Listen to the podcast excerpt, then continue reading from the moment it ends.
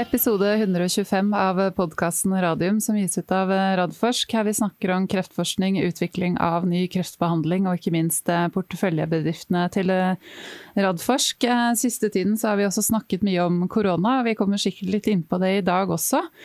Men ikke fullt så mye som i tidligere ny, nyere episoder.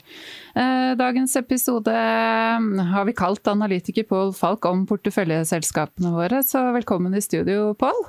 Tusen takk, Elisabeth. På behørig to meters avstand. Ja, det er viktig å holde, holde seg litt unna, så ja. ikke vi bidrar til å smitte dette. Det, det vil vi ikke. Så I tillegg har vi med oss eh, Jonas Einarsson på telefon fra hjemmekontoret. Alt bra, Einarsson? Hallo, hallo. Jeg er her. Er det vel overstått påske? Vel overstått påske og full fart igjen. Sånn det skal være. Sånn det skal være, så bra. Må jeg spørre deg om også, Pål. Er vel overstått hjemmepåske?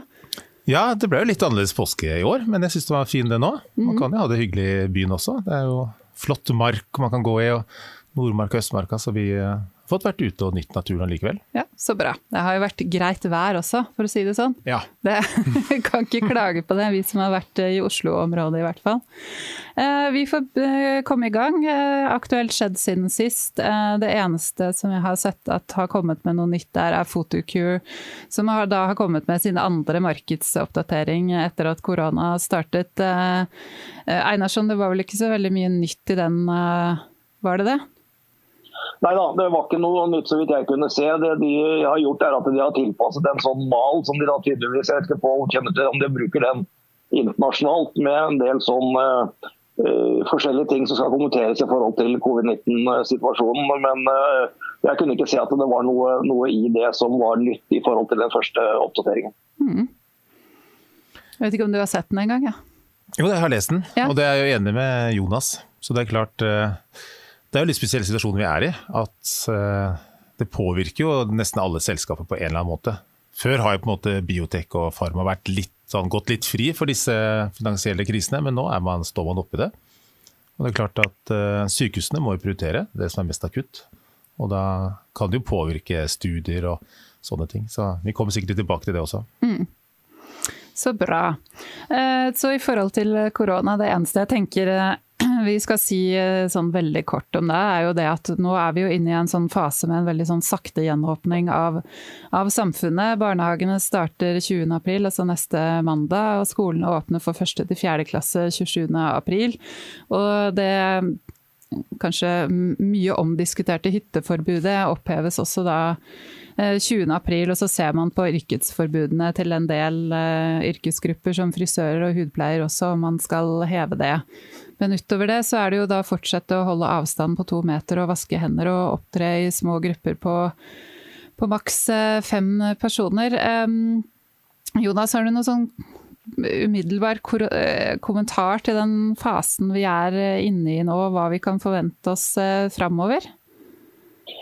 Nei, det, dette er en veldig vanskelig fasen, egentlig. Det å, det å, stenge ned når man bestemmer seg for det og gjennomfører det, og alle følger lojalt opp, så har det vist seg å være være svært vellykka. Det er ikke noe tvil om at de tallene nå ikke antyder som vi har sagt tidligere, men viser at dette fungerer.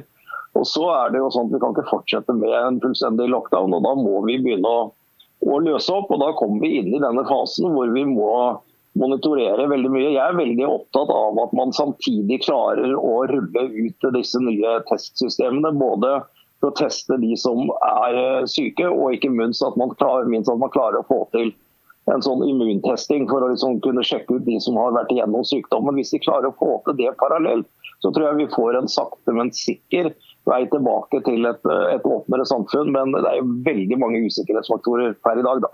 Mm. Pål, hva tenker du? Nei, Jeg er helt enig, og jeg er veldig sånn fascinert av det med at det kan nok være veldig store mørketall. At det er mange som går rundt og har hatt eh, kanskje absolutt ingen symptomer, eller milde symptomer. Og jeg så Sverige skulle gjøre en liten pilot nå der de sender ut eh, tester til 1000 vilkårlige beboere i Stockholm, som da har hatt selvfølgelig mye. Og da kan du gi en akkurat som en gallup, på en måte. du kan få tilbake hvor mange har faktisk er positive, da, har hatt det. Og Det vil jo si kanskje litt om så si, hvor, hvor, fort kan man åpne opp samfunnet. For det er klart Hvis det er veldig få, så vil jo denne toppen gå opp, tenker jeg, når man da slipper opp. Men hvis det faktisk er ganske mange som er smittet uten å vite det, så kommer kanskje muligheten for å åpne opp litt raskere. Og det er klart, den Vaksinen tar jo tid, det er jo litt mm. viktig. Hvis man tenker at det er løsningen, den ultimate løsningen, så tar jo den tid. Så eh, det er vel Ja, jeg følger jo litt med. og Moderna, da, som ligger først i løypa der, de har vel sagt at de kan gi inn til helsepersonell til høsten tidligst. Og så på en måte for resten av befolkningen da, over nyttår. Ok, Men allerede så tidlig til høsten til helsepersonell? Ja, altså de, jo, de var veldig raske. De brukte jo 40 dag, 42 dager fra de fikk viruset til de hadde vaksinen klar som kunne gis til til uh, testing, da, klinisk utprøving. Og nå har de vært igjennom to doser, og akkurat nå starta på den tredje dosen i fase 1. Så de begynner jo snart i fase 2, da. Og det er klart, eh, så må de få testa det, og hvis de da prioriterer helsepersonell, så kan jo det faktisk, sier de da, kanskje gis til høsten. Mm. Og så En annen interessant ting som jeg leste, var uh, grunnen til at det tar så lang tid, er at for å være helt sikker på at vaksinen vaksine virker, så må du jo gi placebo, saltvann, og da vaksinen randomisert til pasienter. Og så må du følge de naturlige deres hverdagsliv, og så ser man om det er forskjell på hvem som blir smittet eller ikke. Men det går veldig sakte, naturligvis. Mm. Så du vurderer nå en sånn ekspertgruppe om er det etisk mulig å bare inkludere ganske unge, friske mennesker, og så påføre de smitte istedenfor. Mm. Og det er jo ganske interessant, for da vil det gå mye mye raskere. Mm. Så er det spørsmålet liksom hvor Det er til syvende og sist da myndighetene som vil si om det er en god løsning eller ikke. Men uh, jeg tror det er veldig mye interesser eh, rundt å få dette fort ut. Det tror jeg du har veldig rett i. Det er vel egentlig det man sitter egentlig bare og venter på nå, enten en vaksine eller en veldig effektiv behandling for de som blir uh, syke. Men å si, uh, altså, har det noen gang blitt gjort før? At man på en måte har påført et, et, virus som på en måte i de verste tilfellene kan vise seg å være dødelig? Ikke som jeg vet, nei. nei. Men det de prøver å forsvare den tankegangen med, er at hvis du er ganske ung, så vil du mest sannsynlig få veldig milde symptomer. Mm. Og hvis du allikevel de fleste kommer til å få det, så er det bedre å få det i en kontrollert setting der du får oppfølging sikkert hver dag hvis du er med i studien. Mm. Men som sagt er jo ikke dette avgjort, da, men det er iallfall en tankemåte for en, uh, hvordan man kan speede opp. Så, mm. så, så lenge så må vi ta til takke med disse litt eldre malaria- og hiv-medisinene, som ser ut til å ha en viss effekt. Og Man må bare bruke det man har. Mm. Inntil videre så kommer det nok mer effektive legemidler nå, etter hvert som f.eks. Gilead sin, da, antivirale, som mange tenker kan være en god løsning. Mm. Uh, ja, Jonas, hva, hva, tenker du i forhold til det Pål forteller her, om utviklingen av vaksinen spesielt? Nei, altså jeg tenker at Det kommer flere signaler, og ikke minst signaler om at man ser på alle muligheter til å korte ned tiden før en virksom vaksine er på plass. Og jeg ser eh, I tillegg til det Pål sier, uh, og det er klart det, det, At de, de, begynner med å vaksinere helsepersonell, det er jo selvfølgelig helt, helt riktig. Og så selvfølgelig samtidig de mest utsatte gruppene. Uh, men, men, de er jo også avhengig av og, og mener at de skal ha testet nok. Da. Men en annen ting jeg så var at disse, disse engelske forskerne også, som jobbet med dette, hadde også planer om eventuelt å starte en storskala produksjon før man hadde de endelige resultatene, og heller risikere at man eh, ikke kunne bruke det. Men hvis det da gir gode resultater, så har de altså ferdig storskala produksjon med det samme, sånn at man da kan spare inn kanskje en tre-fire måneder ekstra. Så det, det, det, settes inn mange tiltak. Mm. Det, og det er jo veldig bra. Du har eh, fått inn et uh, lyttespørsmål som jeg tenker vi skal ta nå før vi går inn på å snakke om, uh, om selskapene våre. Og det er i forhold til situasjonen rundt kliniske studier ved, ved Oslo universitetssykehus. Og når kan man forvente at den kapasiteten til å starte opp igjen kliniske studier er, er på plass? Mm. Jeg har hatt en løpende dialog med, med ledelsen på Radiumhospitalet. og det siste de sa til meg rett før påske, var at de nå rett over påske, altså i disse dagene nå, skulle revurdere om de ikke kunne starte opp eh, kliniske studier igjen. Eh, fordi at de nå er på en måte ferdig med alle disse allokeringene av ressurser og laget disse egne smitteveiene og spesielt på Radiumhospitalet, som, som de har satt inn masse, masse tiltak for å holde, holde Radiumhospitalet koronafritt. Og, og, så vidt jeg vet, så har de klart det. I hvert fall så langt. Så, så jeg tror at vi kan få noen positive signaler ganske kjapt på at man kan starte ukrainske studier igjen, ja. Mm. Hva, hva, tenker du det betyr for eh, spesielt eh, porteføljeselskapene våre som gjør kliniske studier i Norge? Eh, vi har, vi har, i hvert fall tre selskaper som er klare til å starte studier på Oslo universitetssykehus og Radiumhospitalet, som bare venter på dette klarsignalet for å inkludere de første pasientene. Så dette er viktig for oss. Mm. Da får vi håpe det går den veien.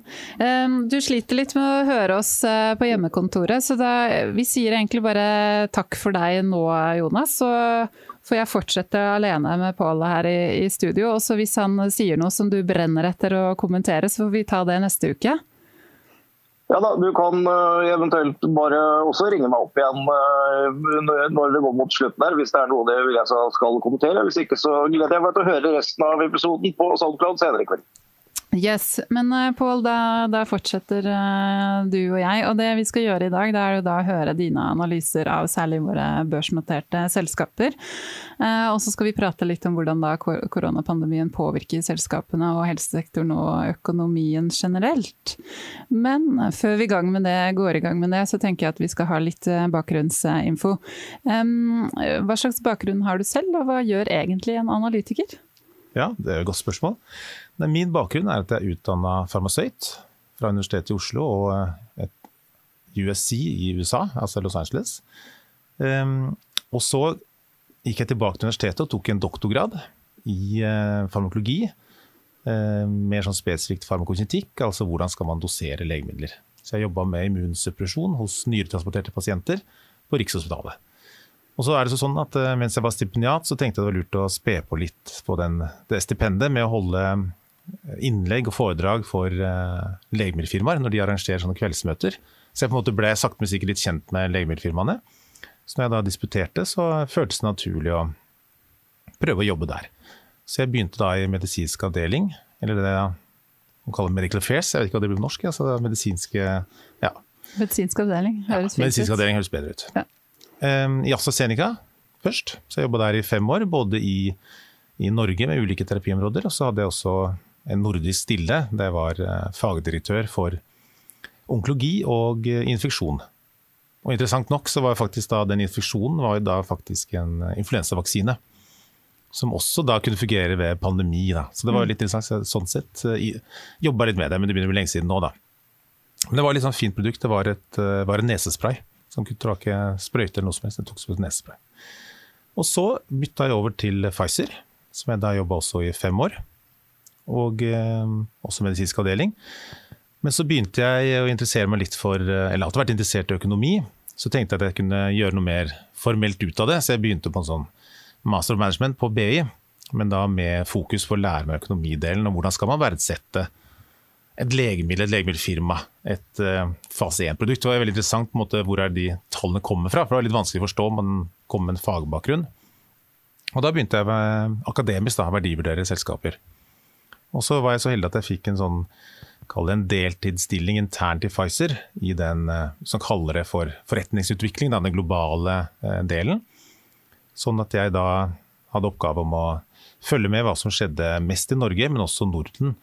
Og hva som kunne være interessant for Pfizer. Altså, de har sin strategi, hva, slags partnere de vil ha. Og se om det var noen firmaer. Så jeg stilte opp på mange sånne partnermøter, og hørte på mange pitcher fra både norske og skandinaviske firmaer. Da. Så det var veldig interessant. Eh, og så eh, gjorde jeg ferdig den masteren, og så var det jo litt uh, tilfeldig. Susanne Stuffers, da, som hadde min jobb før meg, slutta. Og så var jeg så heldig å få den muligheten. Så jeg tenkte at det var en fin mulighet å lære seg på en måte den siden også av på en måte, skal det økosystemet da, av, innenfor legemiddelutvikling. Mm. Så hva gjør man da? Ja, Arctic Securities det er jo da man kan kalle det for en investeringsbank. da. Og eh, på en måte har tre deler. Du har jo aksjemeglerne, som da kundene deres er jo da eh, investorer. Kjøps litt større summer, kjøper og selger aksjer. Og så har du analyseavdelingen, der jeg er. Der har vi kanskje 20 analytikere med ulik spesialitet. Så jeg er den eneste da som jobber innenfor helse. Og den tredje er jo da det heter Corporate Finance. Det finnes rett og slett ikke noen norske navn. Jeg vet du er glad i å fornorske ting, men jeg har faktisk spurt på forhånd. Men det, de mente at det ikke var noe gode. Men det de gjør, er at de rådgir firmaene. Altså deres kunder er firmaene. Så hvis de trenger finansiering, en emisjon eller ja, børshåndtering, sånne ting, så er det da corporate da, som gjør det. Kunne man ikke kalt det selskapsfinansiering? Ja, man kunne sikkert det. Jeg tror ikke det er så mange som bruker det bare, men jeg er enig i at det høres uh, norsk ut. Ja. Så det er på en måte de tre delene. da, Også som analytiker så skal man på en måte være da ekspert på de firmaene som man dekker. da. Så jeg skriver analyser og kommenterer litt på det som skjer. Men vi har ikke dekning på alle norske firmaer, da, så det er sagt. Ja, det har man vel ikke kjangs til? Nei, det ville tatt litt mye tid. Ja. Man også, man også jobb- jobber litt uh, med nye firmaer, da, på en måte. Så man på en måte bruker ikke 100 all tiden på å skrive analyser. Det er liksom én del av jobben. Så, eh, ok, så, Men det man gjør for da de nye firmaene, er det sånn type eh, å sondere litt terrenget i forhold til hva som er up coming, og hva som kan være spennende de neste årene? Ja, absolutt. Så det, mange av disse firmaene som kommer til oss, er jo da den såkalte dødens eh, dal. Da, der de på en måte har hatt softfunding og kommet ganske langt, egentlig. Men så har de på en måte ikke nok data til at det kan hente store summer. Så det er, liksom, det er akkurat den mellomfasen der, der de egentlig bare trenger litt til for å vise at de er gode, så de kan hente litt større summer senere. Men sånn at uh, typisk sånn investeringsbanker jobber jo da med litt større da, beløp da, for å hente for firmaene. Sånn fra 50 millioner oppover, da, på en måte. Sånn at, uh, så vi har mye møte med da, uh, firmaer og vurderer på en måte om det virker som en god investering som vi kan ta videre til våre investorer. Så bra. Men da er jeg litt nysgjerrig på hvordan, eh, altså hva slags analysemetoder bruker dere når man skal sette verdi på selskap? Er det, er det tabeller og skjemaer og matriser, eh, eller er det litt sånn der eh, altså finger, litt sånn skjønn i forhold til hva som trender, eller er det en kombinasjon? Ja, det er et veldig godt spørsmål. Altså sagt, det var jo det som fikk meg interessert i feltet. Hvordan gjør man det? Og eh, akkurat når det gjelder utvikling av legemiddel, så er det en, skiller det seg ganske mye fra andre bransjer. Og det er jo da tre faktorer. At det er jo veldig kostbart å lage et legemiddel. Um, og det er veldig tidkrevende. Det tar mye lengre tid enn mange tenker seg. Og de tiden er jo uten inntekter også. Og så har du i tillegg lav sannsynlighet for å lykkes egentlig i starten. Så det er en sånn trippelkombo der som ikke høres helt optimal ut. Men da gulroten er jo at hvis de lykkes, så vil de jo tjene veldig mye penger. Sånn at de investoren vil jo få det igjen hvis de lykkes. Så det man må på en måte gjøre for å klare å sette en verdi på det, det man gjør en ganske sånn komplett analyse der man tenker seg firmaet i en best case scenario. Så man tenker at det de driver med, de kommer til å lykkes med det. Og det kommer til å bli på en måte en suksess. Og så må man lage det som kalles en kontantstrøm. altså Man må se for seg tiden framover. Og i starten vil det være utgifter, selvfølgelig. Så det blir jo negativ kontantstrøm. Og i en best case så vil de jo da lykkes, og så vil de få en positiv kontantstrøm. som er ganske stor hvis de får inntekter. Men så er det jo sånn at eh, de går via gjennom faser av utviklingen. F.eks. fra fase 1, som er normalt sett på friske, til fase 2. Og Der har man historiske data på hvor sannsynlig er at de skal lykkes. Så I tillegg til denne kontantstrømmen, så må du gange det med måte, sannsynligheten for at de kommer videre. Slik at disse summene da, de ganges eh, med sannsynlighet for å lykkes. Så den, hvis du er i fase 1, for å prøve enkelt, altså du har akkurat begynt på studier i mennesker, så kanskje det er en sånn røftlig 10% sannsynlig for at det legemiddelet kan selges og tjene inntekt. Så de 100 millionene du vil tjene om ti år, det er bare 10 sannsynlig at du får. Så du får egentlig bare 10 millioner, da, på en måte. Og så på samtidig så er det en, de pengene om ti år er mindre verdt enn de pengene du har i hånda. Så du, på en måte, du justerer ned summene liksom hele tiden. Da. Så det, det, det kalles da nåverdimetoden. Da. Sånn at du ender opp med en, hva er verdien av en mulig kontantstrøm som de, de har.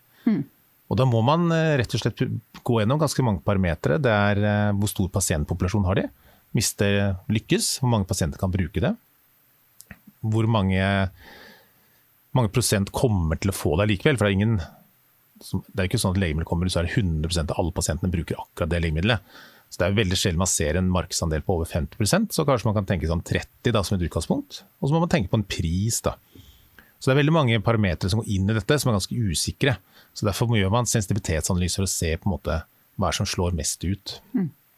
Men, den- men den sannsynlighetsbiten, hvordan kan man vurdere den? Fordi det her er jo da snakk om at du har prekliniske data på, på mus, ikke alltid så stor overføringsverdi nødvendigvis til, til mennesker. Så det er jo først da du kan begynne å tenke, og så ja, hvordan, hvordan ser man på den biten? Men man kan godt eh, begynne med når det er i preklinikk, da, som du sier. Eh, Så da vil det jo bli enda lavere sannsynlighet at det til slutt blir et produkt. Sånn at eh, så må du, som du sier, du, må, du kan bruke historiske data, og så må du tenke liksom, er dette på en måte, er det noen grunn til å tro at dette kanskje er over snittet da, og så kan du justere litt, og da må du bruke litt sånn ja, magefølelsen, samle inn konkurrenter. Kanskje konkurrenter har gjort noe lignende, har du bedre data, dårligere data, men så er det vanskelig. Men det er klart, eh, vurderinger blir jo sikre hvor lenger du har kommet ut i utviklingen. Sånn som de eh, firmaene som da er i f.eks. fase 3, eller en pivotal studie som gjør at de har fått godkjenning. Der føler man seg litt sikre kanskje på den verdivurderingen enn som du sier når du akkurat har begynt i mennesker. Mm. Så er det veldig mange usikkerhetsmomenter. Mm. Og onkologi, da, som mange av porteføljefirmaene er i, eh, så har man faktisk litt lavere gjennomsnittlig sannsynlighet også. Sånn at, um, Hva skyldes det? Det er veldig crowded. da. Altså. Det er veldig mye, mye, mye konkurranse. konkurranse. Ja. ja. Som gjør at uh, de ligger litt under andre. Sånn som da Sjeldne sykdommer ligger veldig høyt, f.eks. Mm. Og det har litt med at de har jo selvfølgelig ikke så mange alternativer. Så enhver forbedring vil være velkommen av myndighetene og pasientorganisasjoner. Og på en måte så det er en ganske lang prosess å sette det. Og så kan du også da gjøre en sånn sammenligning med tilsvarende firmaer eller dealer, da, på en måte som en validering av det du har kommet fram til med den metoden. Mm. Men det er på en måte konsensum om at denne risikojusterte netto nåverdimetoden, som det heter, er på en måte den beste for utvikling av eh, legemidler. Mm. Og det er noe man bruker da globalt?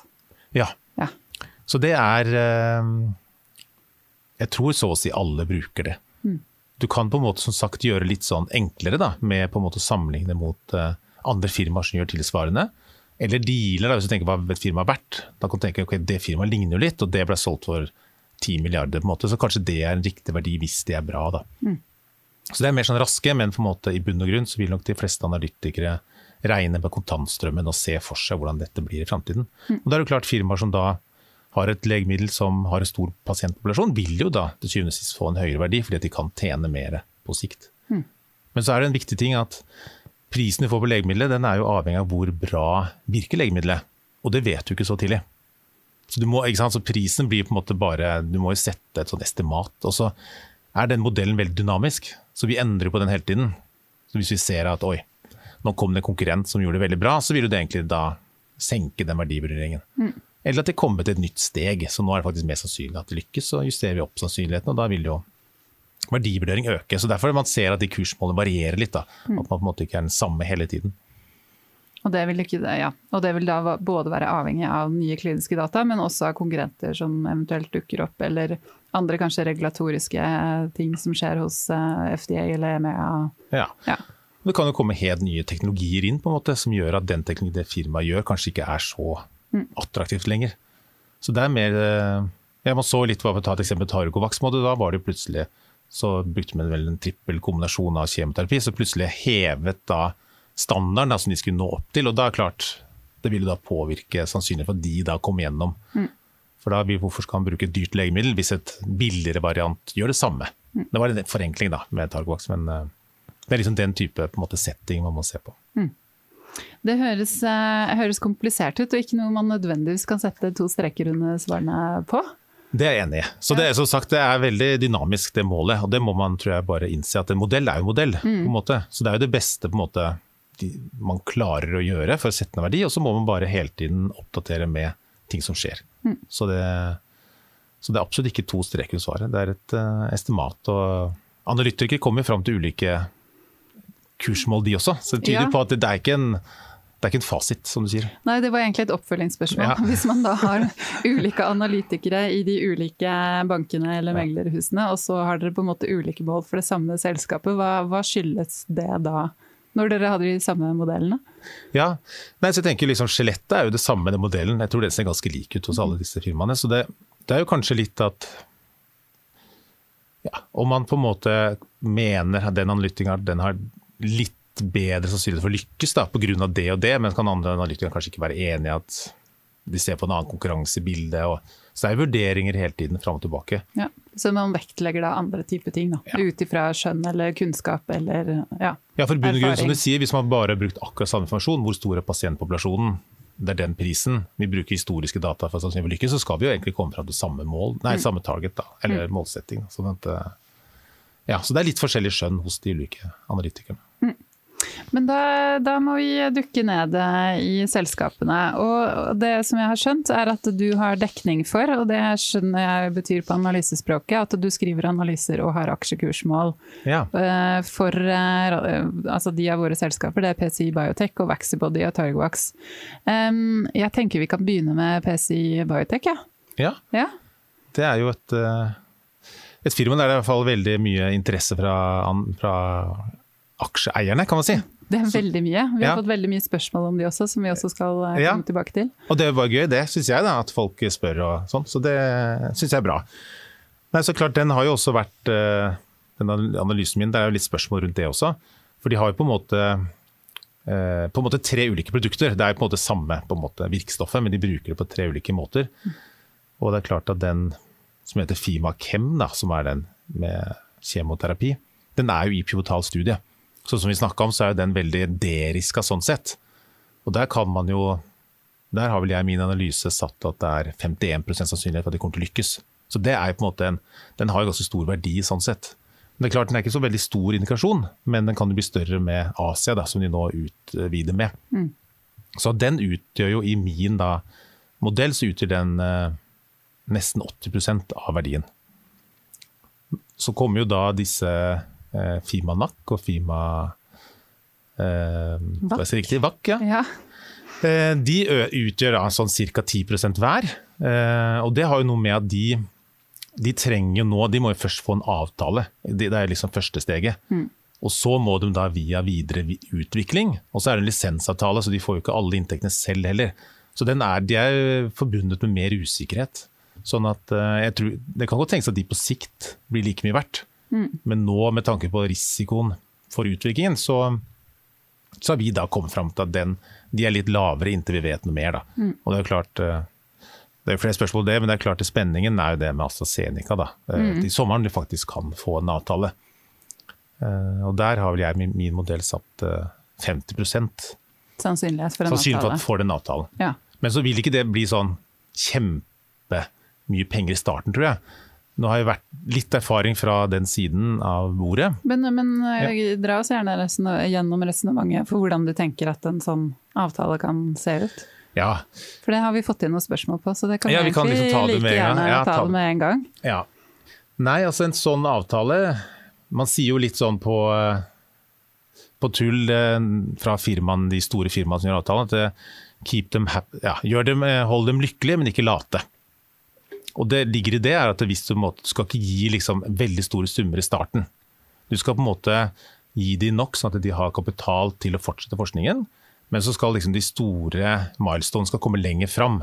Og Det skjønner man også ut fra risikobildet. At de, de, må liksom stimuleres til å fortsette en god forskning gjør, og komme fram. Så jeg tror en sånn avtale typisk vil se ut med eh, milestone payments, da, med en initial betaling. Mm. Og så kommer det etter hvert som de ulike fasene kommer. Og så vil de da få en sånn kutt av da salget da, av det kombinasjonsproduktet. Mm.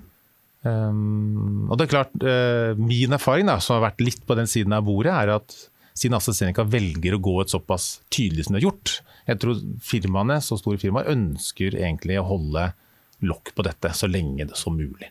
Fordi at de har veldig mange potensielle avtaler, og det er et ganske stort apparat som jobber med dette. Og hvis alt skulle liksom lekke ut i alle kanter, så er ikke det noe gunstig for et firma. Så jeg tror eh, grunnen til at jeg da setter den som jeg synes er at når de først velger å gå ut med det, og så sier at de har hatt såpass gode resultater at de ønsker å teste det da eh, i en ny indikasjon, så er det på en måte et eh, tenker jeg, ganske sånn godt bevis på at her er det noe mer enn det er noe substansielt ja. her, ellers hadde de ikke på en måte latt PCI fått fått si at, det, at de var topp ti for ja, Ja. Det er akkurat det. Mm. Så det, den eh, Selvfølgelig vet man ikke, men jeg tror den har ganske god sannsynlighet for at den går inn. Mm. Så det, og det håper jeg jo for PCI Biotech sin mm. del. Det hadde vært veldig bra, og bra for norsk biotek òg, å få flere avtaler. Det, det, er jo en som spør her da om eh, altså hvis, det en, en, hvis, det er en, litt mindre type avtaleverdi, mm. så kan markedet tolke det skuffende Altså fordi man kan sammenligne med altså andre avtaleverdier globalt. Eh, men hva vil selv en liten avtale i mindre skala bety for PCI? Og vil det øke muligheten for videre mulige utlisensieringer i først og fremst altså da Fima NAC og Fima VAC?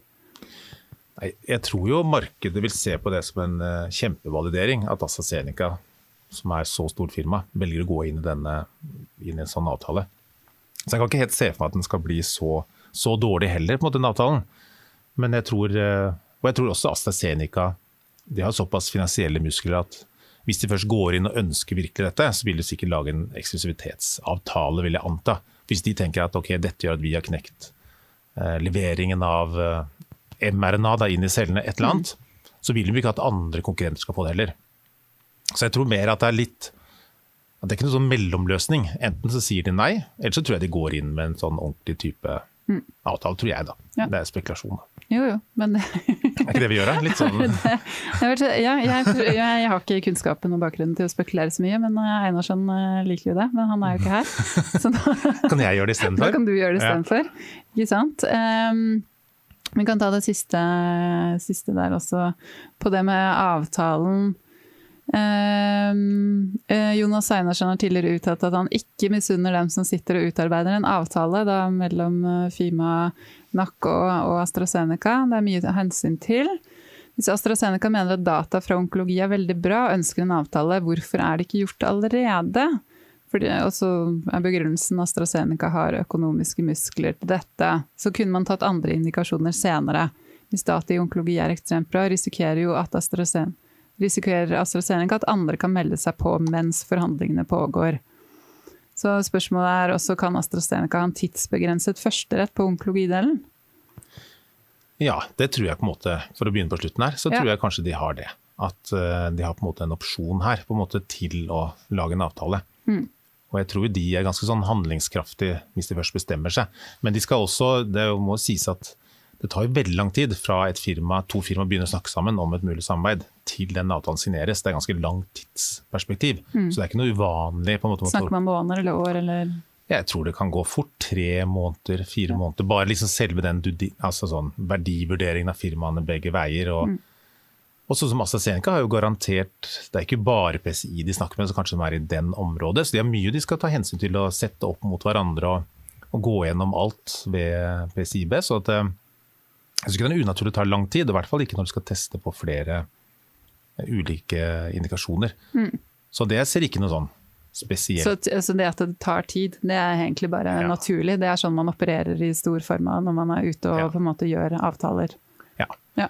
Og man holder som sagt veldig lokk på det inntil man på en måte mener at det er ganske nærme. Det var jo litt eksempel på det nå i den koronatiden at han medisinske sjefen for Pfizer på toppnivå hadde jo møte med Trump. Og da sa jo han eh, ja, at de jobba nå med en avtale og jobber sammen med BioNTech, sa han da. Mm. Og da tenkte jeg det var rart, det har ikke de noen nevnt før. Så da må jo det være noe som faktisk sikkert, når han sier det på, måte på ja. live. Men jeg så at aksjekursen reagerte ikke så veldig på det, og så gikk det en uke eller to, og så kom den avtalen. Og da føyk den jo veldig opp, selvfølgelig. Mm. Så det jeg også tenkte jo det at et firma, når de velger å gå ut med det, så er det noe mer enn bare en sånn sondering av muligheter. Mm. Så uh, absolutt. Og jeg tror dette jeg tror de, ja, som sagt, Det er enten-eller, tror jeg, den avtalen. Jeg tror ikke noe sånn dårlig middelvei, egentlig. tror jeg. Så hvis det, hvis det, da blir en avtale, så er den god for ja. PCI? Ja. ja. Og jeg tror jo at den, Nå står jo ikke den andre indikasjonen, men jeg, kjenner jo AstraZeneca litt fra før, så jeg tror det er innenfor tenker jeg, nå spekulerer jeg, da, innenfor diabetes. Mm. De har et samarbeid med det heter eh, ISIS Technology, som da er et sånn, det man kaller antisens-RNA.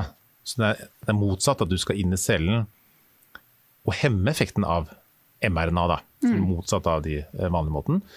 Og problem, De vet man jo at har et problem, at molekylet er så stort så de klarer ikke å få levert det inn i cellen. Nettopp. Så det passer jo veldig godt. Ja, Det er litt sånn hånd og hanske med ja. akkurat hva det Så det virker liksom sånn, ja, så ja. det virker som det på en måte er sånn tre firmaer der som på en måte kanskje kan uh, det her mener jeg at Einarsson har spekulert i før, at det oh, ja. er diabetes. Ja. Jeg mener Han har snakket om det i noen tidligere podkast, med all fare for at jeg ikke husker alt hva som blir sagt i disse podkastene. Nei, men altså, ja. Dere har vært ivrig på uh, genterapi innenfor diabetes. De mm. ønsker på en måte å få også betacellen til å begynne å produsere insulin igjen mm. ved genbehandling. Uh, så det er nok et, uh, rimelig at man tenker den retningen, mm. uten at det er bekrefta. Mm. Men i hvert fall da at, trenger, at de trenger en teknologi som nettopp kan levere disse store molekylene inn i cellen, uavhengig av hva man skal gjøre der. Ja. Det er jo det som er så de, ja, så de gikk inn i den avtalen med vitende om at det er litt stort molekyl og vanskelig å mm. levere inn. Sånn det da, så det virker ganske naturlig at de kanskje da prøver denne teknikken for å få levert inn. Ja. Kanskje. Så bra. Eh, vi har enda flere spørsmål om PCI. Eh, ja. Vi. Det er jo de vi pleier å få spørsmål om. Eh, det er en lytter som refererer til en livestream Q&A fra oktober 2019. Det begynner å bli et halvt år siden. Der, der du visstnok skal ha sagt at du synes Fimanak virket interessant, og at du har satt en konservativ analyse av PCI. Bl.a. pga. at Fimanak ikke er inkludert i analysen. Så er spørsmålet da om du tenker å inkludere Fimanak i analysen nå? Hva setter du som sannsynlighet i prosent for en eller annen utdistanseringsavtale på NAK? Men det, det, har du jo svart på, det siste. Ja, jeg har fått faktisk det spørsmålet av flere. Sånn at så jeg, um, Fra min analyse fra Q3 i 19, så har Fimanak vært med. Mm. Sånn at uh, de to siste analysene mine da, så har jo den vært med. Så jeg vet ikke om det akkurat var i den perioden, kanskje, at de litt sånn overlapp, de to ja. hendelsene, kanskje. Men som det riktig, som det var vel det jeg sa. Og, og jeg tror jo eh, absolutt, som jeg nettopp har snakka om, og den eh, sannsynligheten har jeg da sagt til 50 da, for at de får en avtale. Ja. Uh, og så er det enda et, eh, men det er, det er relatert til en koronavaksine. Virker som mRNA er med på mange forsøk på å finne den optimale vaksinen mot koronaviruset. Hvorfor er det da så eventuelt uaktuelt å bruke PCI Biotech sin Fimanak-teknologi i noen av de vaksinene som testes for å bekjempe korona? Tenk om dette hadde vært nøkkelen til en optimal vaksine. Ja, det hadde vært bra. Og jeg tror ikke det er noe sånn at den er utelukket, men de firmaene som jobber med det, de har jo nå et vanvittig tidspress. De vil være først. Mm. Det er mange, veldig mange. Det er vel mange firmaer, men 30-40 firmaer kanskje, som prøver å lage den vaksinen. og Det er klart det er et tidsløp her. Og Moderna da, og, og BioNTech, som bruker mRNA, og CureVac også, mange som bruker det, de har nok per når de måtte bestemme seg for ok, nå skal vi satse på covid-19-vaksinen, så, så, har de allerede brukt en teknologi for å få levert inn i cellene.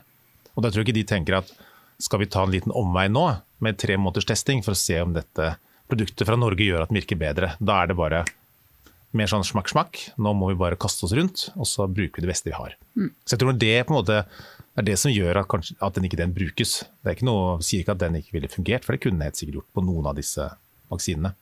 Mm.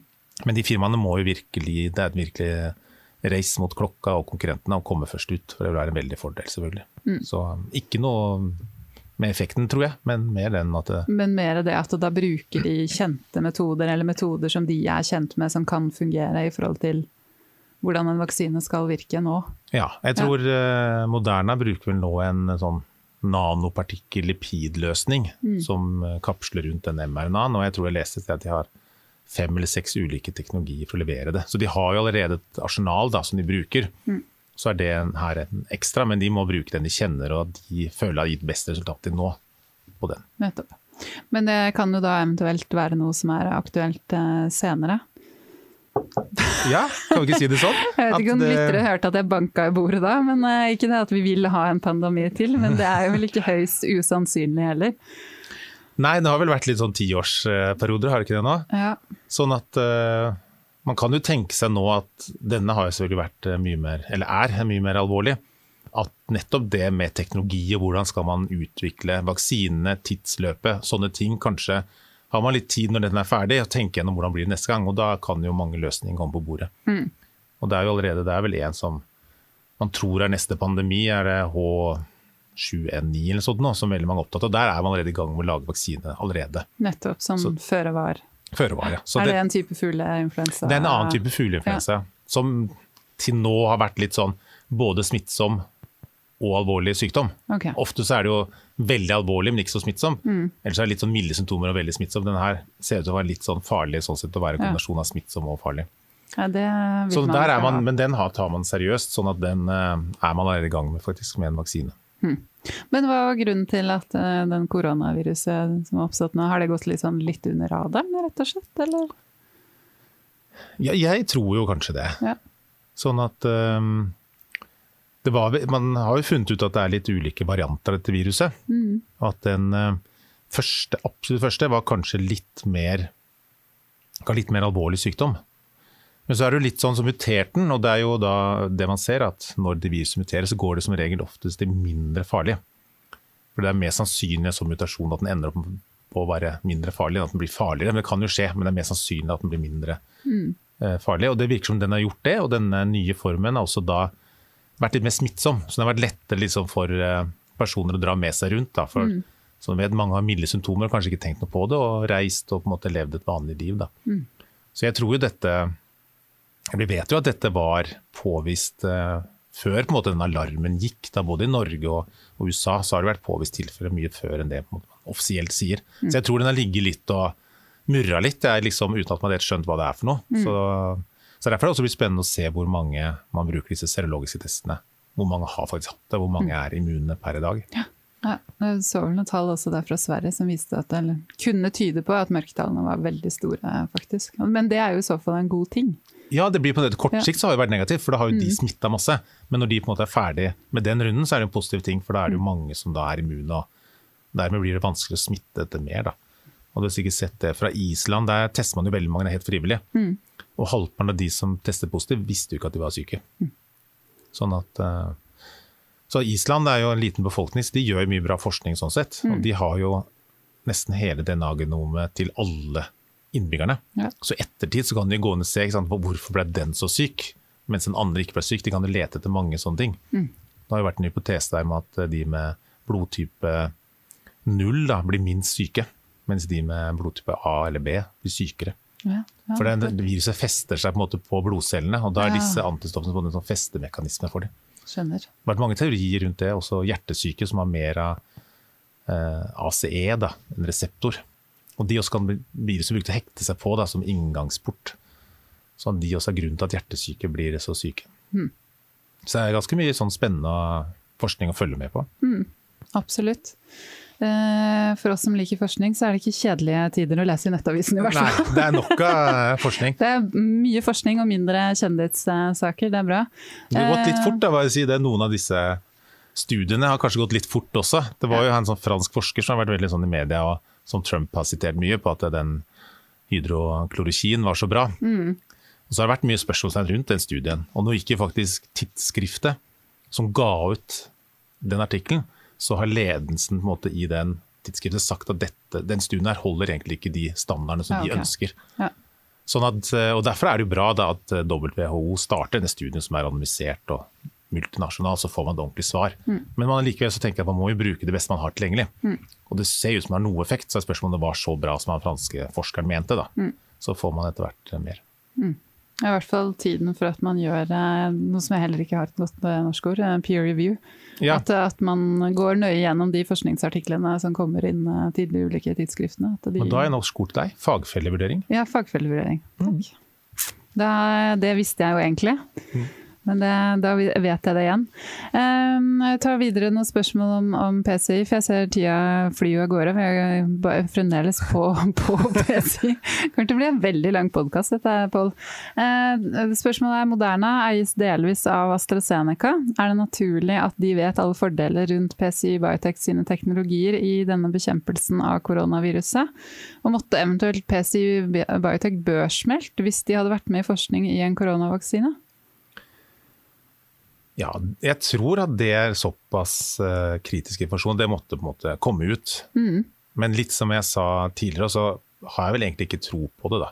For jeg tror på en måte Moderna og sånn, de har en løsning som de ønsker å bruke. Ja. Sånn at det, det kan godt være de kan være med en løsning neste gang, men jeg tror liksom det løpet nå er på en måte Det er fastlagt. Måte, ja, det er litt, ja. Sånn.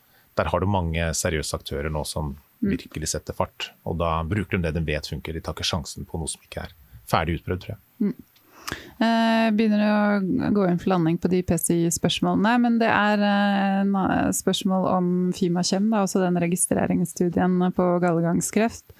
Eh, PCI har begynt å åpne sykehus, altså studiesteder i Taiwan. Skal rekruttere 20 pasienter på tre sykehus.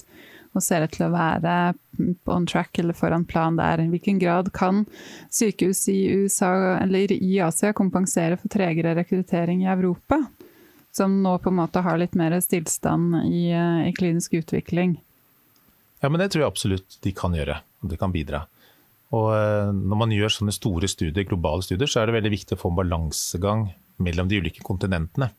Og særlig Asia har jo en sånn tradisjon fra at de kan være litt sånn vrange. Hvis du gjør studiene både i Europa og USA, så kan de komme og si ja ja, dere har vist det fungerer der, men dere må vise at det fungerer også i Asia. Så jeg tror det å få den balansegangen der mellom uh, sites er veldig gunstig. Mm. Og jeg tror på en måte at de helt sikkert rom for at de kan inkludere litt mer, hvis det trengs. Ja, for det er litt høyere andel folk som også får galgangskrefter. Ja. Det er litt for, forskjell, ja. Så de har jo ganske mye høyere, faktisk. Mm. Sånn at, og mange av de landene har jo en god eh, betalingsvilje også, så de vil jo kunne bruke ny teknologi. Mm. Nå er ikke Japan inkludert, men Japan er jo veldig innovativ på det settet og bruker mye av de nye innovative legemidlene. Mm. Sånn at det, det, tror jeg er positivt. Og det er jo, for PCIB så er det jo Selvfølgelig blir du litt forsinka, de var litt forsinka før også.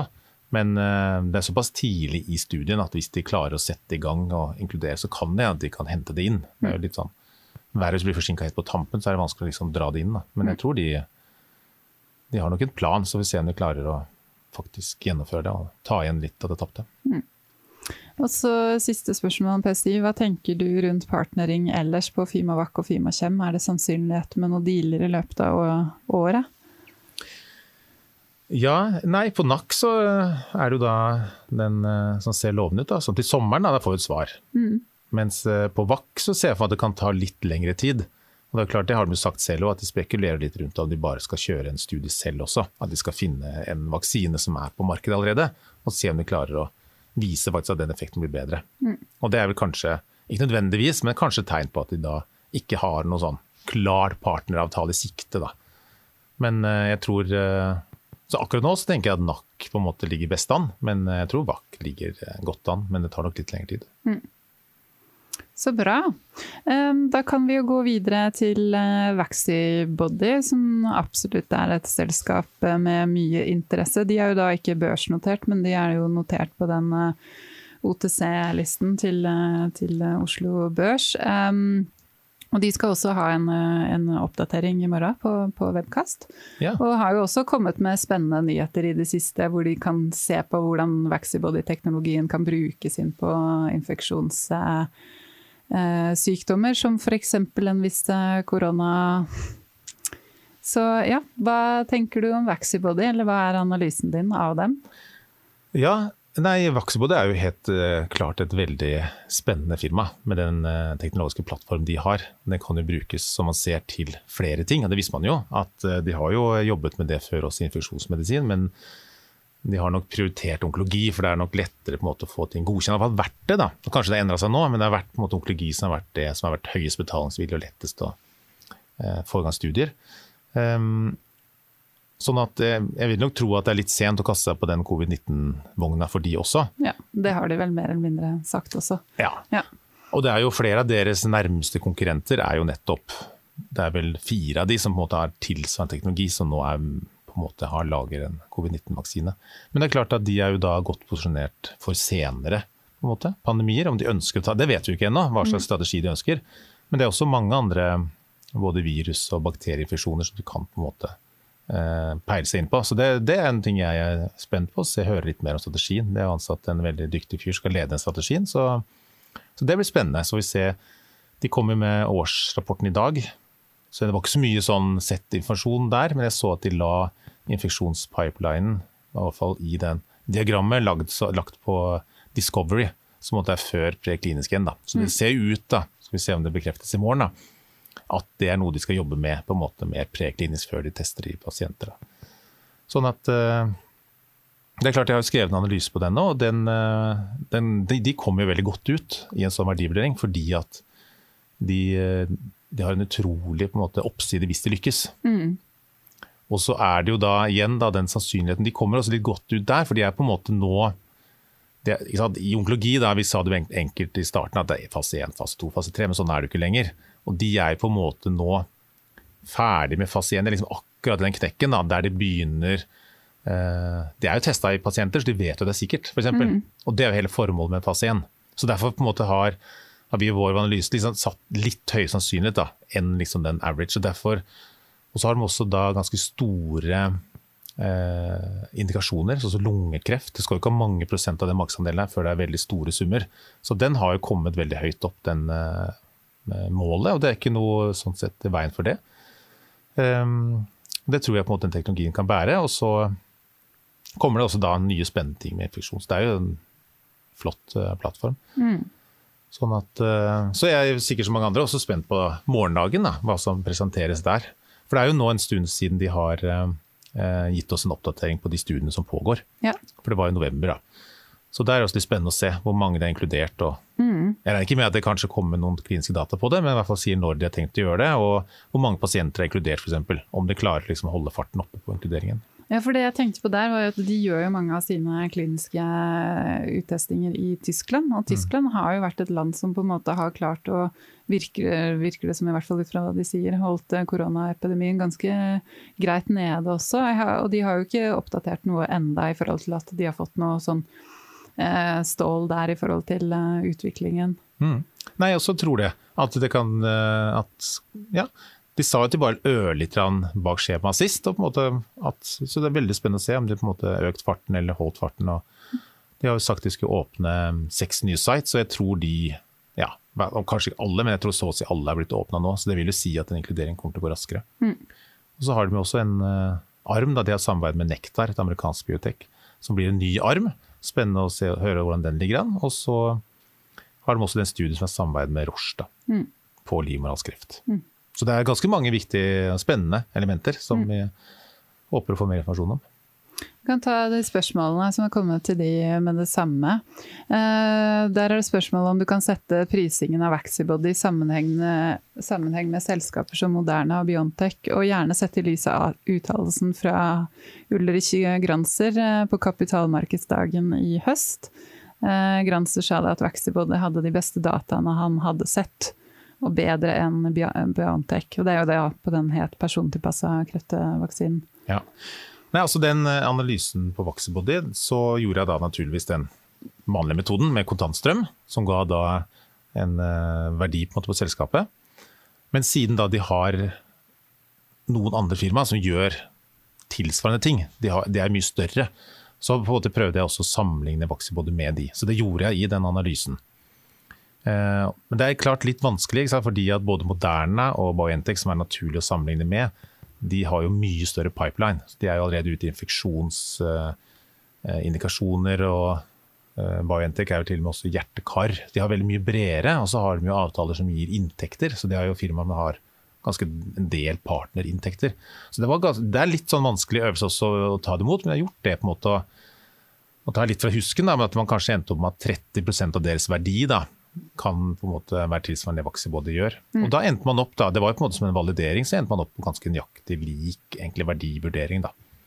Men det er klart, hvis man skal være, hvis man ønsker det på en måte, og tenker at uh, man stoler litt på at de dataene her er helt fantastiske, at det er faktisk bedre, så kunne man jo økt den. da. Men det kan jo på en måte investorer litt sånn tenke litt selv òg, at hvis du faktisk tror på det, så mener jeg at det er enda mer verdt enn det min analyse skal tilsi. da. Mm.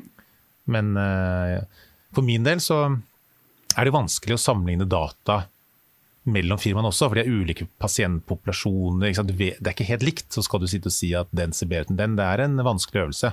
Det er kjempevanskelig, ja. for de vil jo ha ulike protokoller eh, og ulike pasienter. Det blir litt sånn epler og pærer og bananer. Eh. Ja. ja. Og det vet jeg da eh, fra min tid i Pfizer, når jeg snakka med de globale teamene. Så selvfølgelig er det veldig interessant, men de av den enkle årsak at det er lettere å tolke data, så liker de randomiserte studier. Ja. For da vet du på en måte, hvis det er mange nok, da selvfølgelig, så at de gruppene blir like, så vet du på en måte at forskjellen kan man kan, er rimelig sannsynlig tilskrive eh, det legemiddelet som det legger til. Da. Mm. Men eh, det er klart det er jo dyrere å gjøre det. på en måte, Jeg skjønner godt at ikke firmaet gjør det i starten, men det gjør det også vanskelig å sammenligne. Hvem er de sykeste pasientene? på en måte, Hva slags tilleggsbehandling fikk de? Du må gå gjennom ganske mange ting for å skjønne virkelig mm. hva forskjellen er. Så det er klart, de dataene ser veldig gode ut, det er det ingen tvil om. Men mm. å, å, si liksom helt bastant at det ene er bedre enn det andre, syns jeg er vanskelig. Ja. Um, et annet spørsmål her er, er det sannsynlig med en børsnotering av Vaxibody eventuelt på Nasdaq? Det er vel da børsen i, i New York? Ja, de har jo vært godt ute i avisen og sagt det, at det er en naturlig neste steg. Mm. Akkurat nå så har de penger til en toårsdrift, kanskje. De er ganske godt finansiert, og det er jo fint i, disse tider. Mm. Det er jo klart vanskelig å hente penger i, i, nå. Sånn at De har jo ikke noe hastverk sånn sett, tror jeg, med å gå på børs hvis man bare tenker på pengene.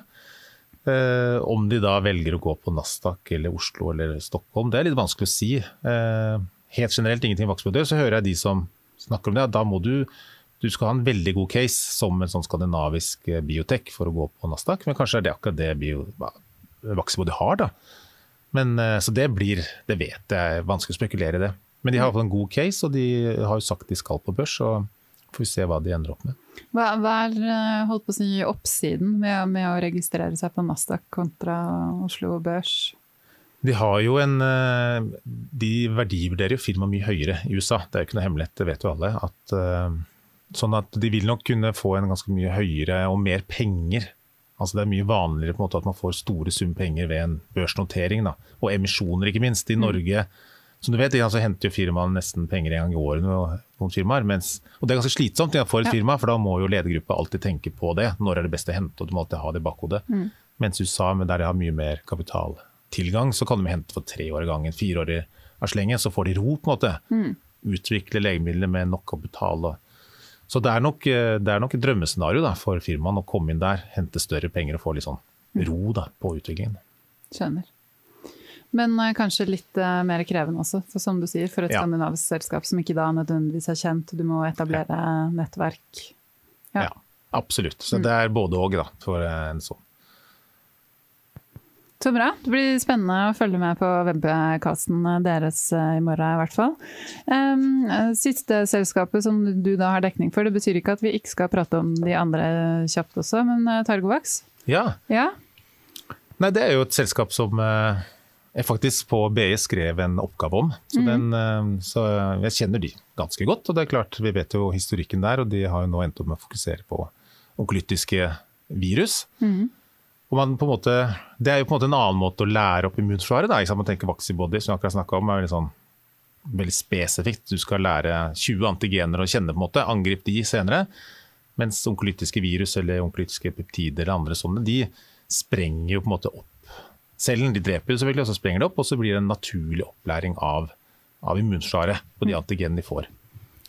Og det, det, ser man jo fungerer ved at den dreper også kreft på andre steder enn der viruset blir injisert. Så man vet jo liksom at det må ha skjedd en opplæring av immunforsvaret, ellers ville den ikke klart å drepe de cellene der. Og så har vel, eh, hvis ikke jeg husker feil, så har det vel så har de gjort mange av disse studiene uten checkpoint inhibitors før. Og jeg tror det har liksom vært liten nøkkel som har kanskje gått opp for de nå, at de må mm. gjøre det samme med, med immunterapi. Da. Sånn at, eh, så Derfor synes jeg det er spennende. De har jo valgt uh, den lungehinnekreften, mesotelioma, mm. som på en måte den som ligger først i løypa. Og Det er jo klart, det er ikke så stor indikasjon hvis du tenker da på en verdivurdering, men eh, allikevel uh, så er det jo like lite konkurranse. Og det er stort uh, behov for nye behandlinger. Så det trekker jo opp da, at uh, hvis de klarer å vise at det er bedre, så er det stor, større sannsynlighet for at det blir tatt inn av myndighetene og klinikerne. At det er et behov for det. Mm. Så det syns ikke det, synes det virker rimelig. Og så har de da selvfølgelig den på hudkreft, der de har vist egentlig ganske gode tall, med 33 klarte de å snu rundt. De var mm. non-respondere, så klarte de å få 1 av tre til å snu på samme type immunterapi. Og Det er imponerende, men eh, det er en veldig liten studie. Det de gjør nå, er selvfølgelig flere pasienter og så flere doseringer. Mm. Så det gjør det spennende. Og den er vel da til høsten, da. De, jeg, vet, jeg, tror ikke de blir så mye forsinka av covid, for de har på en måte inkludert av mye pasienter. Det er bare en oppfølgingsbit som er litt enklere for sykehusene. Mm. Selvfølgelig er det rom for litt forsinkelse, men eh, så de har jo to Det er et spennende år for de, da. Det kan man jo si. De, har, de, kommer vel til å komme med mye data i løpet av dette året, rett og slett. Ja, ja. og det er litt avgjørende for de òg. For det er klart hvis det ikke blir bra, så blir det litt tungt for de å hente mer penger. Men mm. kanskje det nå er akkurat nå de klarer å vise at det er noe i det. da. Mm. Med å gjøre på en måte en mer korrekt studie skal si det sånn, med immunterapikombinasjonen. Mm. Så, og så skal de jo da planlegge jo da denne nye mesotelioma-studien. Og der leter de etter en partner. De har vel sagt at de er ganske sånn kommet langt i denne partner eh, samme, eller avtalen. Da. Så mm. Det ligger litt i kortene, selvfølgelig, uten at man vet sikkert at det kommer en eh, Big Pharma-partner der etter hvert også. Mm. Så det er, jeg synes, det er mange av disse firmaene nå som har ganske spennende år foran seg. Foran seg. Ja, jeg ja, det. Litt at, ekstra spennende, kanskje. Ja, jeg tror sikkert de føler litt på det, ledelsen der. Ja. ja. Mm. Men, eh, liksom... men, den opsjonsavtalen eller, eh, som de også har eh, gjort da, på den Koras-vaksinen ja. med det kinesiske selskapet, hvordan vurderer du den inn i bildet? Nei, den, Det er jo på en måte den opprinnelige Targovax eh, Ja, det var liksom sånn det Sånn som vi konservative i Radforsk her sier, i og med at det var den delen vi var med å starte. Mm. Ja. Nei, altså den også, litt som vi snakka om på PCIB, så er det jo De får jo ikke all inntekten, ikke sant. For at de, og de kineserne må jo også da gjøre studier og vise at det virker der. Så du har Sånn sett så er den litt tidlig for at den skal på en måte slå veldig mye ut i den verdibrøringen. Um, men absolutt, den er også med der. Og det blir veldig spennende nå når de starter studien og følger den. For da når den blir deriska underveis, da, så vil jo den også kunne bidra, bidra, litt. Men det er klart de hadde jo tjent mer hvis de hadde gjort det alene, selvfølgelig, enn den via en lisensavtale. Mm. Men det er vel begrensa hva man kan gjøre som et lite firma også. Det, ja. det, er jo det man ofte ser, i hvert fall ja. med de norske firmaene. At det er, er, vanskelig når man på en måte sprer seg utover ja. for mye. Det skjønner jeg veldig godt. Og det er jo mye bedre dette her enn at de ikke hadde gjort noe mer med det. Ja. Så det er positivt. Absolutt. Eh, og apropos eh, det med at man sprer seg utover, og så må skrenke inn Nordic nanovektor. Ja. ja. Hva tenker du om eh, de siste hendelsene der? Er det, er det dramatisk, eller tar de de riktige grepene? Jonas og jeg hadde jo en podkast om det nå rett før påsken. Jeg syns de gjør det riktige. Det er jo klart eh, Det har jo på en måte gått litt tregt med inkluderingen. Og de har jo vært kjent for det firmaet som har brukt mest penger per kvartal også. Mm. Så at de da nå fokuserer, prøver å kutte kostnader og fokuserer på det viktigste, som er jo at det er vel det firmaet som er nærmest å få en godkjenning. på en måte. At de nå virkelig får fokusert på det, det er jobben deres. Mm. Få den godkjent, få inkludert. og Dialog med FDA kanskje kan endre inklusjonen så det er lettere å finne pasienter. Mm. Jeg syns det virka som gode grep. Absolutt. Mm. Um, og sånne og type C-møter med FDA, det er sånn det er sånn man gjør, liksom, og det pleier å være positivt, eller hva, hva er din erfaring med det fra AstraZeneca og Pfizer? Jeg kan ikke si at jeg har noen sånn spesifikk erfaring med det, men Nei. jeg tror det er veldig positivt at de gjør det. Og jeg tror at FDA eh, de er veldig løsningsorienterte, mm. så de skjønner på en måte hva de, eh, hva de må gjøre, de også, for å bedre da mulighet for at de kommer på markedet. For det er jo en indikasjoner som trenger ny behandling også. Mm. Og da er jo myndighetene interessert at de skal komme der. De har den fast-tracken, og de skal jo på en måte hjelpe disse her. De har fått en fast-track fordi det er behov for medisinen. Mm.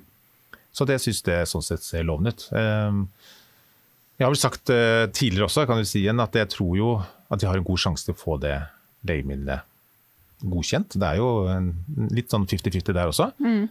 Men jeg ser jo at det er utrolig mye spennende andre teknologier da, som kommer inn på blodkreft, som på en måte kanskje kan konkurrere med det etter hvert. Da. Det vil nok møte en tøff konkurranse etter hvert, særlig det man kaller for bispecific, da, som er på en måte antistoff, da, som tvangsholder da, immuncellen og kreftcellen sammen. på en måte, mm. Så de må interagere. og De har vist veldig sånn, lovende mm. data. Så, det, så, de møter nok konkurranser, jeg, fra andre typer teknologier innenfor de indikasjonene de har valgt. Mm.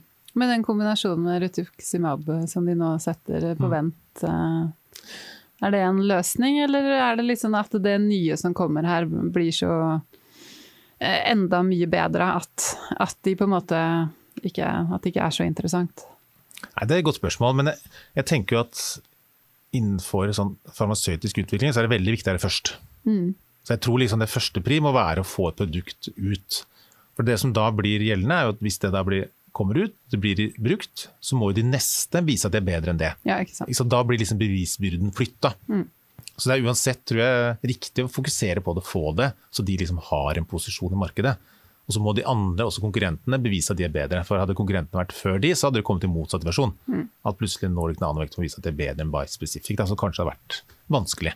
Så de er jo uansett gunstige for de å komme først, tenker mm. jeg. Så jeg tror det er riktig å fokusere og få den ferdig. og så har du en større indikasjon selvfølgelig hvis vi kan kombinere. Da, med, så ja. Mm. Så bra. 50% der også. Det er mye 50 Ja, ja jeg skal slå mye kroner mynt. En av de lykkes, da, kan vi ikke si det sånn. Ja, ikke sant. Ja. Ja. Um, Ultimovax. Ja. ja. Ja, det også. Det er jo mye spennende firmaer i Norge. Mm. Uh, det er en liten sånn digresjon, hvis det er lov med det. Jeg leste om et sånt uh, I og med at dette blir verdens lengste. Verdens lengste. Kanskje må bare klippe etterpå. Nei, så Det er jo et, ehm, et, amerikansk firma, skal vi se om jeg husker hva det heter. Var det Libello eller noe sånt? Men det, for telomerase det sier seg selv, den er jo der for å på en måte eh, beskytte cellene når man på en måte deles mange ganger. Og da er jo dette, Mange mener jo at dette er jo da kilden til liksom, ikke evig liv, da, men faktisk å bli eldre og Ja. leve bedre.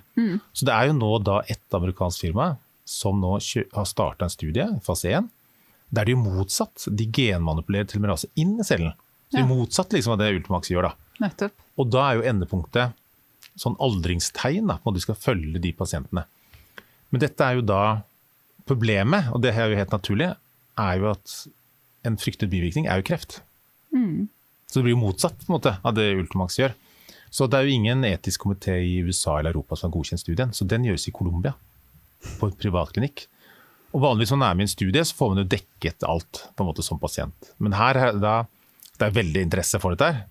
Sånn at de tar faktisk betalt 1 million dollar for pasienter som skal være med inn i denne studien for å teste det for første gang. Så det er ganske sånn spesielt, så det er veldig mye diskutert blant etikere. Det høres ikke Ja, etisk ut i det hele tatt. Nå sjekka jeg ikke nå før jeg kom her, men det var før jul så var det én pasient da, som ble Ja. inkludert. da. Men så er det bare en liten sånn interessant digresjon, for man skjønner at den telemerasen er jo et interessant mål. da. Men i kreftbehandling, da, som selvfølgelig snur rundt på det, så er det fordi at kreftceller har jo mer av det enn andre celler. Og de blir, kommer til uttrykk på utsiden av cellen, og da kan man på en måte lære på immunforsvaret til å angripe de. Så jeg syns jo um, det er en peptidvaksine som har litt sånn historikken mot seg, men allikevel så syns jeg at man skal alltid se på dataene til syvende og sist. Man kan liksom ikke la en historikk tale mot. Jeg har jo laget en, dette er en andre generasjon som på en måte skal være bedre enn den forrige. Og de dataene fra hvis man kaller det fase 1B, da, det er jo tre studier som har gått lenge, det har jo vært lovende.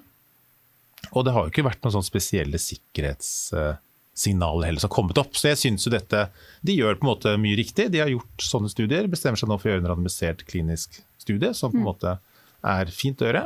Med 160 pasienter, og har flere. Og kjøpte det svenske med annen type adjuvans. Jeg syns det er mye spennende der. Men de har jo gått ut og sagt at de også Det er sånn så greit kanskje når covid-19 pågår, at de avventer å starte studien.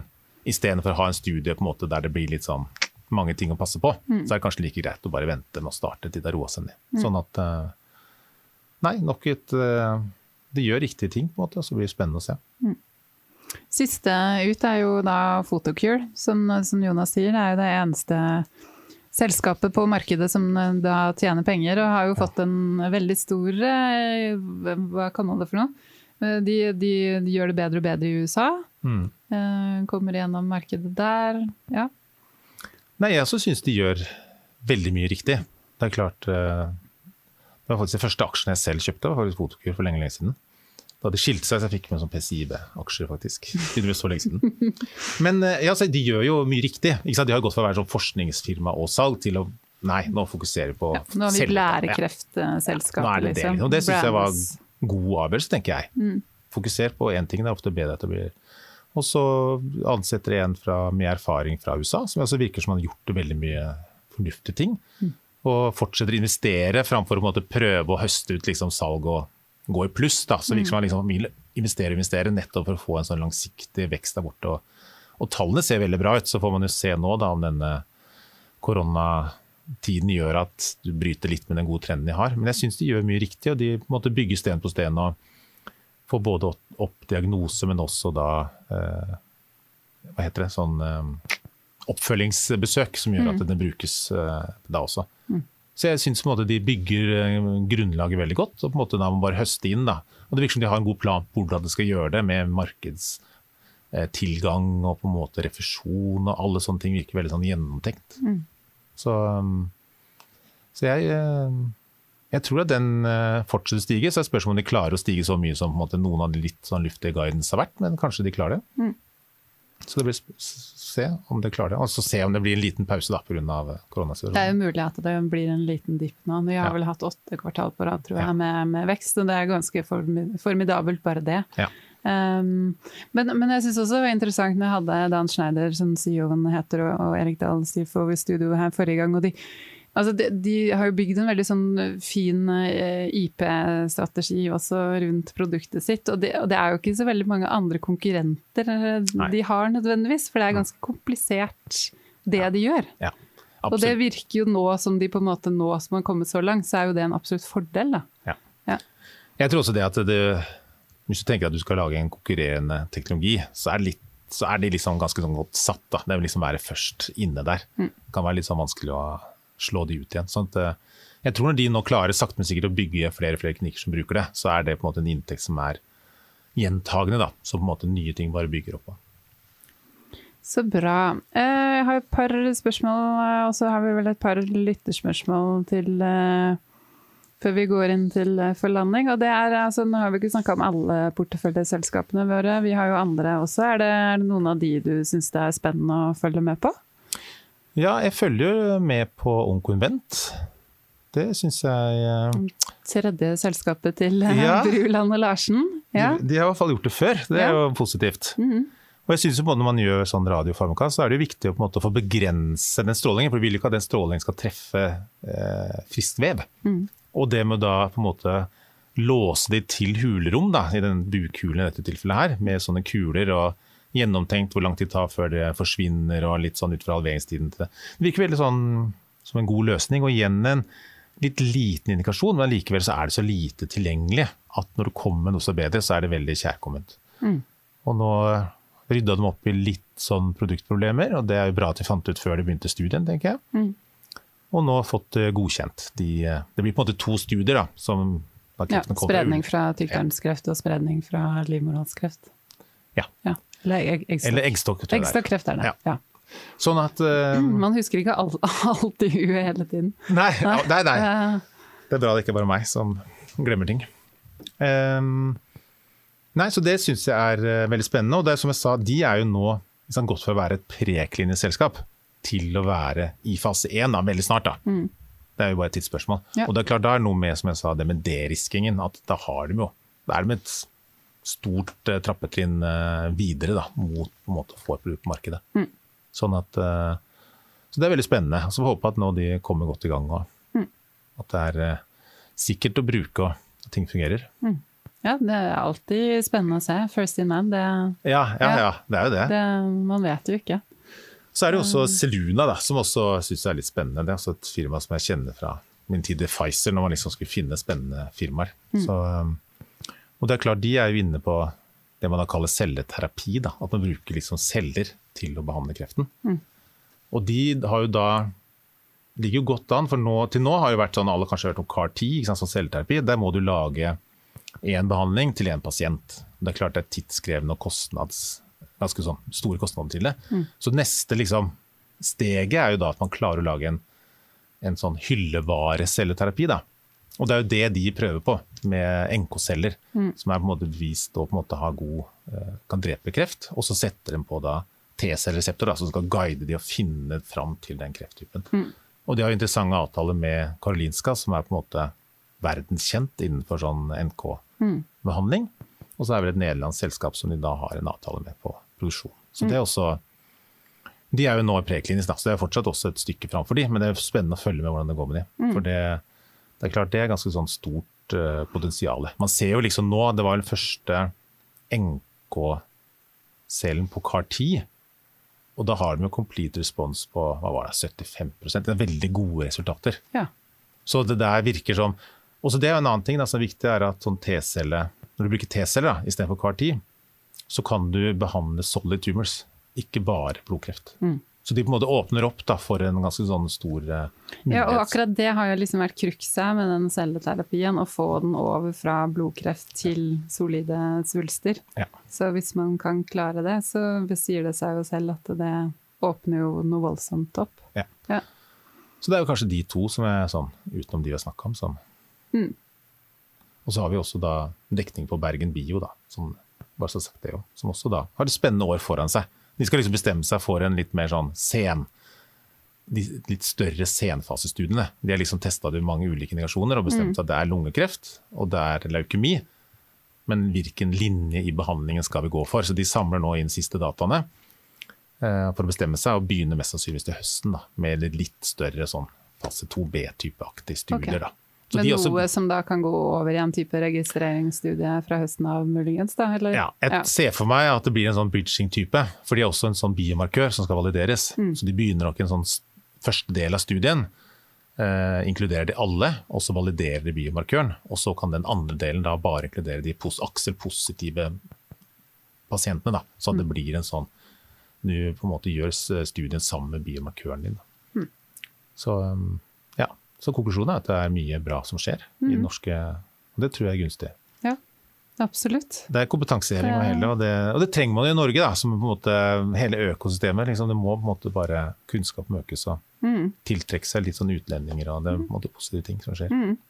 Ja, og det syns jeg mange av våre selskaper har vært veldig flinke til. Og klart å tiltrekke seg eh, flinke folk i ledelsen. Og, og da tenker jeg da er, er det jo noe interessant som de ser her i selskapene og teknologien, eh, som man ikke ser andre steder også. Ja, absolutt.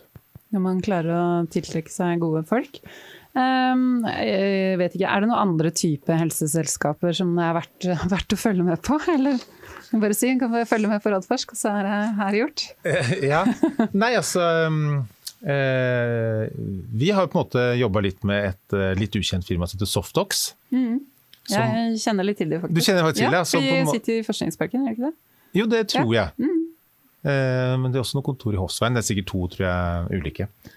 Så på en måte, ja, de hadde jo ikke, Tanken var jo ikke det, men de kom jo bare helt perfect tima til denne covid-pandemien for deres del. da, Med at de har en veldig effektiv da, De vil jo nå lansere først en hånddesinfeksjon, da, men så vil de også bruke det på medisinsk kylling. Så de skal C-merke det. og gjøre, en studie, skal gjøre en studie til, og så er det også for behandling av ganske sånn resistente sår. da, Litt sånn stygge biofilmsår.